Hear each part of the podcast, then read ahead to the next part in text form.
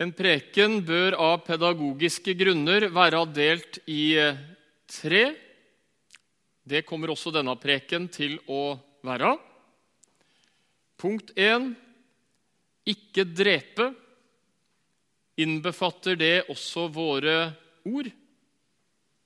Punkt 2. Er sinne alltid synd?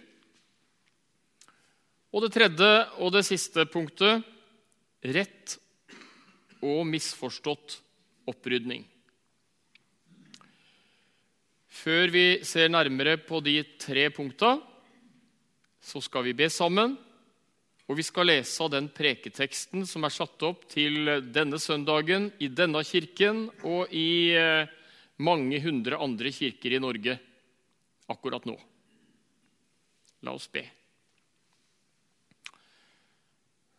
Kjære Gud må du stelle med tankene og orda våre, og gjøre det sånn at de er til ære for deg og til velsignelse for oss sjøl og våre medmennesker.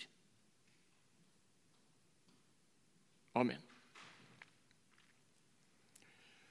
Matteusevangeliet, kapittel 5. Og Det er en lang tale av Jesus, og vi får et lite utdrag av denne, den aller lengste talen vi kjenner, av Jesu taler eller Jesu foredrag. Preken av Jesus.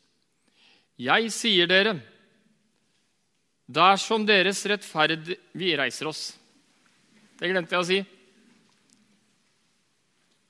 Jeg sier dere, dersom ikke deres rettferdighet langt overgår de skriftlærdes og fariseernes, kommer dere aldri inn i himmelriket. Dere har hørt det er sagt til fedrene, du skal ikke slå i hjel. Og den som gjør det, skal komme for domstolen. Men jeg sier dere, den som blir sint på en annen, skal for domstolen. Og den som sier til en annen, din dumrian, skal stilles for det høye råd. Og den som sier, din ugudelige narr, skal være skyldig til helvetes ild. Dersom du bærer fram et offer til alteret, og der kommer til å tenke på at en annen har noe å anklage deg for, så la offergaven ligge foran alteret, og gå først og, forlik, og bli forlikt med ham. Kom så og bær fram ditt offer. Skynd deg å komme overens med din motpart mens du ennå er med ham på veien. Ellers vil han overgi deg til dommeren, og dommeren til vakten, og du blir kastet i fengsel. Sannelig, jeg sier deg, du slipper ikke ut derfra før du har betalt til siste øre. Slik lyder Herrens ord.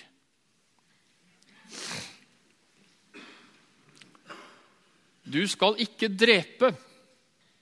At det står i Bibelen, veit vel de fleste. Du skal ikke drepe. Og eh, for de fleste av oss så er det ikke så vanskelig bokstavelig talt å overholde et sånt bud om å ikke drepe. Og det er lett å skjønne hvorfor Jesus sier, og hvorfor Gud sier, at ikke vi skal drepe. Og så går Jesus dypere. Så går han inn og med tyngde forteller oss om hvordan orda våre kan være brutale sverdstikk inn i et annet menneskes hjerte. Og Uttrykk i språket de er ofte ikke så tilfeldige. Du har sikkert vært ute for uttrykket 'et drepende blikk'. Og Det har sin bakgrunn i at noen ganger kan det kjennes sånn at akkurat det øyekastet på akkurat den måten ramma så forferdelig brutalt og gjorde det så skrekkelig vondt for et barn eller for en voksen. Og så kommer ikke Jesus med noen sånne milde råd. Noen forsiktige hentydninger. Kanskje dere skal vurdere å snakke litt penere. Kanskje dere skal prøve å pønte litt på orda, kanskje dere skal prøve å polere setningene litt, sånn at det blir litt mindre skarpt i kantene, og sånn at kanskje ikke risikoen for at noen blir støtt og såra, er fullt så stor. Nei, Jesus bruker storslegga, sånn som han en del ganger gjør.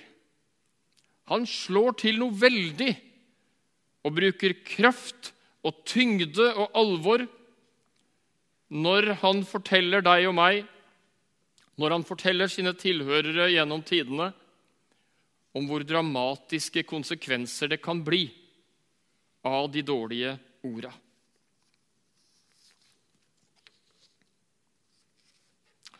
Iblant så tror jeg det er sånn at ord vi har sagt, får følger som vi sjøl ikke er i nærheten av å forstå. Vi veit ikke, kanskje, at det er noen som går i årevis og smertes over den setningen, over de orda og over den replikken som falt.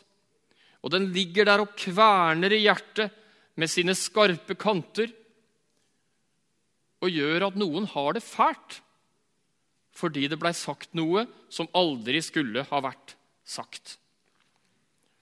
Alle har vi nok vårt å be om tilgivelse for.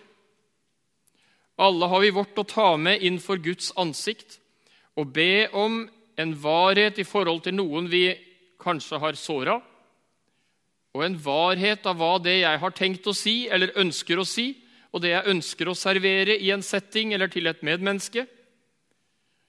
Og tenke over det innenfor Guds ansikt og be om lys til å vite hva det er lurt å si, og hva det er lurt å la være usagt. Når det er eh, tørkesommer, sånn som det var 2018 Da skal det ikke mye til av en fyrstikk før konsekvensene blir enorme. Da var det knusktørt i Nordre Vestfold. Det skulle ikke store gnisten til før enorme områder kunne bli slukt av flammer. Det bildet bruker Bibelen. En liten ild kan sette en stor skog i brann. Sånn er det også med tungen, sier apostelen Jakob, som en del av den nytestamentlige undervisning om det å leve et hellig liv. En skaubrann ut av ord. Og Noen har nok erfaringer som viser at jammen meg kan det bli forferdelig mye gærent ut av det jeg trodde bare var noen setninger. Ord kan inneholde en eksplosiv kraft inni et medmenneskes liv. Det skal vi vite, sier Jesus. Og når Bibelen sier at vi skal øve oss i Guds frykt, så handler det ikke minst om å øve oss i å møte våre medmennesker med en holdning som gjør at risikoen reduseres for at vi sier ord som er krenkende, og som ødelegger sjølbildet til andre, og som gjør at andre får det forferdelig vanskelig og trøblete i tida etterpå. Vi trenger å være i bønn om at Den hellige ånd får lede ditt liv og mitt liv, sånn at orda vi sier i skolegården,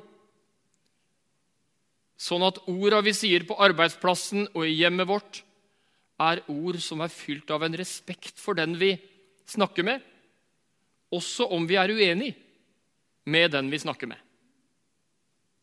Orda våre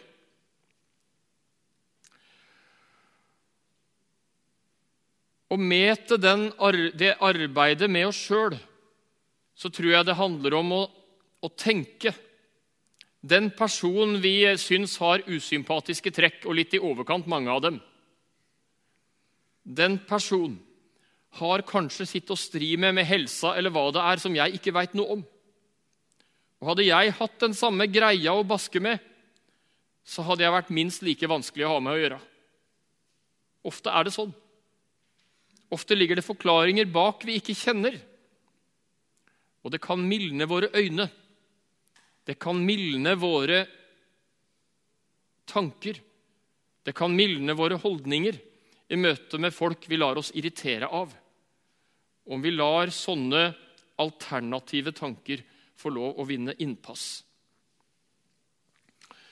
Men betyr det at Jesus sier at eh, vi som sitter her nå, vi skal egentlig billedlig talt gå hjem og så sette en hengelås på munnen. For det er så fort å få sagt noe gærent, så vi får egentlig gå med hengelås på munnen. Og så får vi be til Gud en gang iblant om vi kan låse opp den hengelåsen, men stort sett så skal vi holde kjeft. er det sånn? Huff a meg. Det hadde blitt tamt og kjedelig. Det hadde jo ikke blitt varme. Det hadde ikke blitt spontanitet. Det hadde ikke blitt nærhet av det. Og ut fra en helhetlig undervisning av Jesus så er jeg helt sikker på at det er ikke det Jesus mener. Jeg er helt sikker på det. For det er jo nettopp det når vi viser hverandre den tillit og tør å senke skuldrene, tør å ta sjansen på å si noe som eh, noen blir skuffa over at Morten sa. Det er faktisk også rett forstått nødvendig for det litt sånn ledige, spontane, vitale og friske og gode relasjonelle samkvem mellom mennesker. Det er ikke det Jesus vi har satt en hengelås på. Det er det viktig å understreke, og det er det viktig å avgrense mot. Og jeg tror, når vi tenker etter, vi som er samla nå, både du på nettet og du som er her Vi veit egentlig forskjellen. Vi veit når det er en nødvendig, sunn og naturlig vurdering av andre mennesker som hører med til en alminnelig, jovial og naturlig samtale. Og når det vipper over i en nedvurdering, i en sverting av andre som ikke er til stede og kan forsvare seg, en ryktespredning og annet sånt destruktivt møkk som gjør et fellesskap kaldt og hjerteløst. Jeg tror egentlig vi veit forskjellen. Og jeg tror de fleste mennesker, uavhengig av miljø og uavhengig av religiøsitet, har ganske gode antenner for hva som er gærent, og hva som er naturlig. Og Det er inn i dette terrenget Jesus underviser oss. Jesus har tretrinns vurdering av Eh, de onde orda. Han eh, har ett lag av destruktivt sinne, hvor han snakker om den laveste domsinstansen, domstolen, i Jesu bildespråk, som han bruker i bergprekenen. Og så har han det neste trinnet. Da handler det om personangrep, som nedvurderer selve personen, som ikke skiller sak og person, og som går på den meningsmotstanderens personlige integritet. Da skjerper Jesus og bruker bildet det høye råd, altså en høyere rettsinstans. Og så har Jesus et siste trinn, og der flesker Jesus til med det fryktelige ordet som jeg nærmest vegres for å ta i munnen min helvete.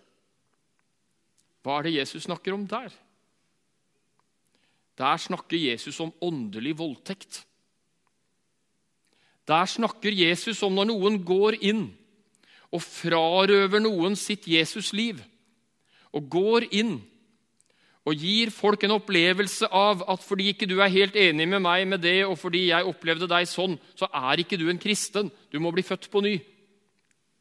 Og det har skjedd at mennesker har kommet inn til noen med den type språkbruk og med den type retorikk og hvor de som er ramma av det, har gått i den nederste kjelleren og med skjelvende stemme har sagt det var det aller verste det kunne blitt gjort mot meg.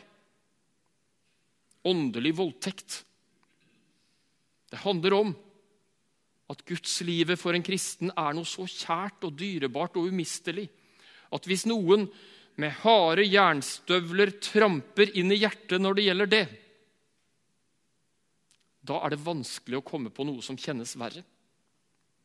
Og det er i møte med den type ubarmhjertig, barbarisk atferd at Jesus tar i bruk det sterkeste uttrykket som finnes, når han irettesetter og understreker alvoret ved de krenkende og ødeleggende ord.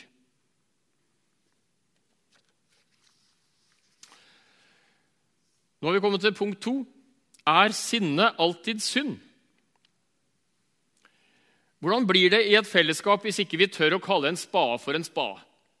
Hvis jeg skulle gå her sur og gretten, og så skal jeg smile pent som en smørblid utapå klistra og, og 'jo, jeg er så fornøyd, og jeg har det så bra', mens egentlig så går jeg og er fornærma og, og, og fryktelig irritert på en del av dere.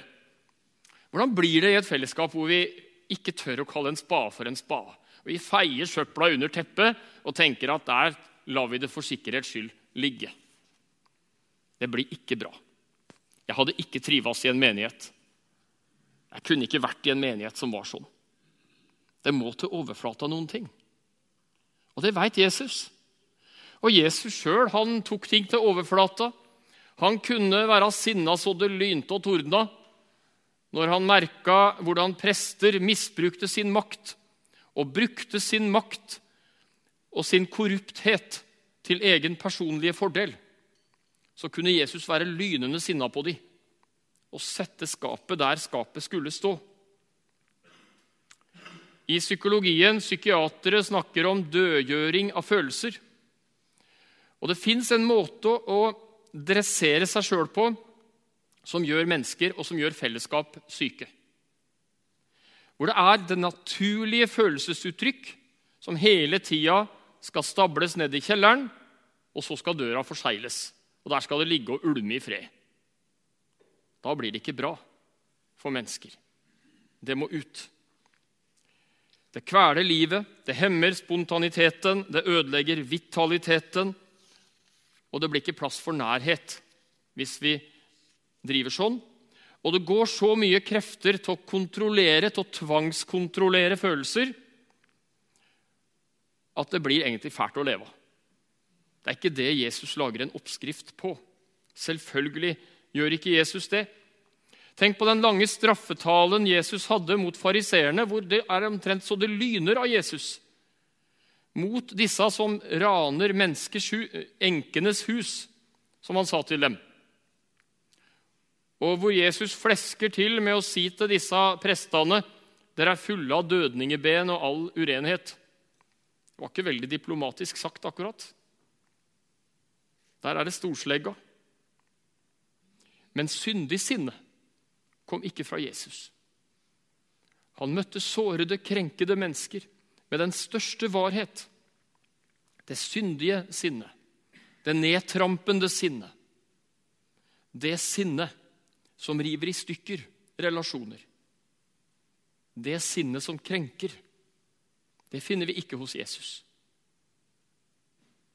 Er du med på forskjellen? Det er et vanskelig terreng. Det er et krevende terreng å sortere i. Men det jeg prøver å få fram, og det jeg håper dere har fått med dere, er at når vi ser Jesus' samlede undervisning, og når vi ser apostlenes samlede undervisning, så står det sterke ord mot sinne. Men det betyr ikke et nei til all type sunt og naturlig sinne. Som er en, den naturlige sinne som er en helt naturlig og nødvendig del av det å være et levende menneske. Vi er kommet til punkt tre. Dersom du bærer fram et offer til alteret, og der kommer til å tenke på at en annen har noe å anklage deg for, så la offergaven ligge foran alteret, og gå først og bli forlikt med ham. Kom så og bær fram ditt offer. Hvis du har såra naboen din, du har gjort, du har sagt eller du har tatt et grep som gjør at din nabo har grunn til å være sur og skuffa og har grunn til å kjenne seg krenka over deg. Og så går du til Bjerkely kirke, til kirken, kanskje litt oftere enn ellers.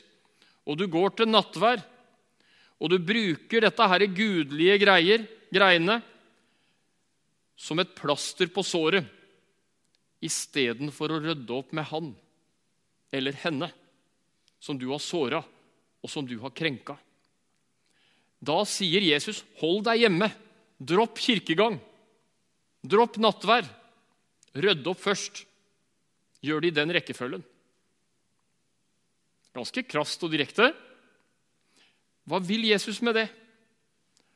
Han vil si at det gode som skjer her i kirken, gudsdyrkelsen, gudstjenesten, sammen få være inn for Guds ansikt, sammen få prise Gud, sammen få bekjenne våre synder, sammen få kraft til å leve et hellig liv.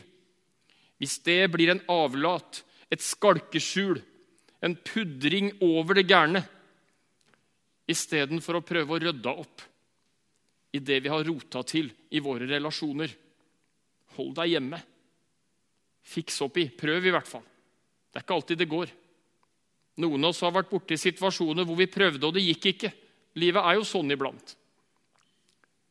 Men har du ikke vilje til å rydde opp, da kan det hende du bruker gudstjenestene som et misforstått skalkeskjul istedenfor det du egentlig skulle. La ditt offer ligge foran alteret og gå først bort og forlik deg med din bror. Skynd deg å være føyelig med din motstander. Det blir motstandere, det blir vanskelige ting i relasjoner. Vi mennesker er sånn. Vi er ikke bedre enn det. Eh, vi har sider alle på hver vår måte som gjør at noen ganger blir det trøblete relasjoner. Skynd deg å være føyelig. Hvorfor skal vi skynde oss? Det kan bli for seint. Jeg håper aldri det skjer med meg at jeg blir stående ved ei grav, stående ved en gravstein, og tenke på jeg var litt for sein. Det mennesket som ligger begravd her, har jeg såra. Og det mennesket som ligger begravd her, venta på at jeg skulle komme og rydde opp. Men jeg utsatte. Nå kan ikke den som ligger på denne grava, høre hva jeg sier. For han eller hun er død. Det er for seint å rydde opp. Det er for seint å prøve å få til forsoning. Det er for seint å prøve noe annet enn de harde krigerske orda. Løpet er gått. Løpet er kjørt. Skynd deg, sier Jesus i dagens tekst, og kom overens med din motstander mens du er med ham på veien.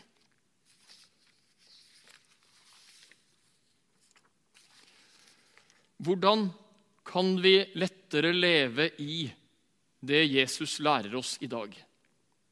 Lev et liv i ånden.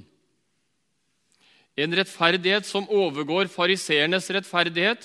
I denne teksten handler det ikke om den rettferdighet vi leser om i romerbrevet, om Jesu tilregnede rettferdighet, men i denne teksten handler det om livets rettferdighet, forsøke å leve rettferdig, forsøke å leve realt og rett i møte med mennesker. Men hvordan kan det lykkes bedre i mitt liv og i ditt liv? gjennom et liv i ånden.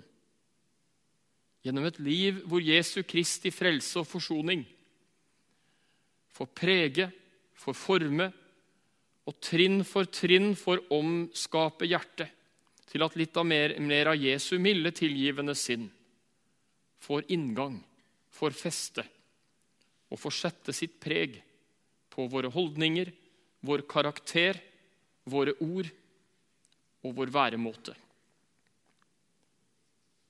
Da kan flere av våre ord oppmuntre, og færre av våre ord såre. Amen.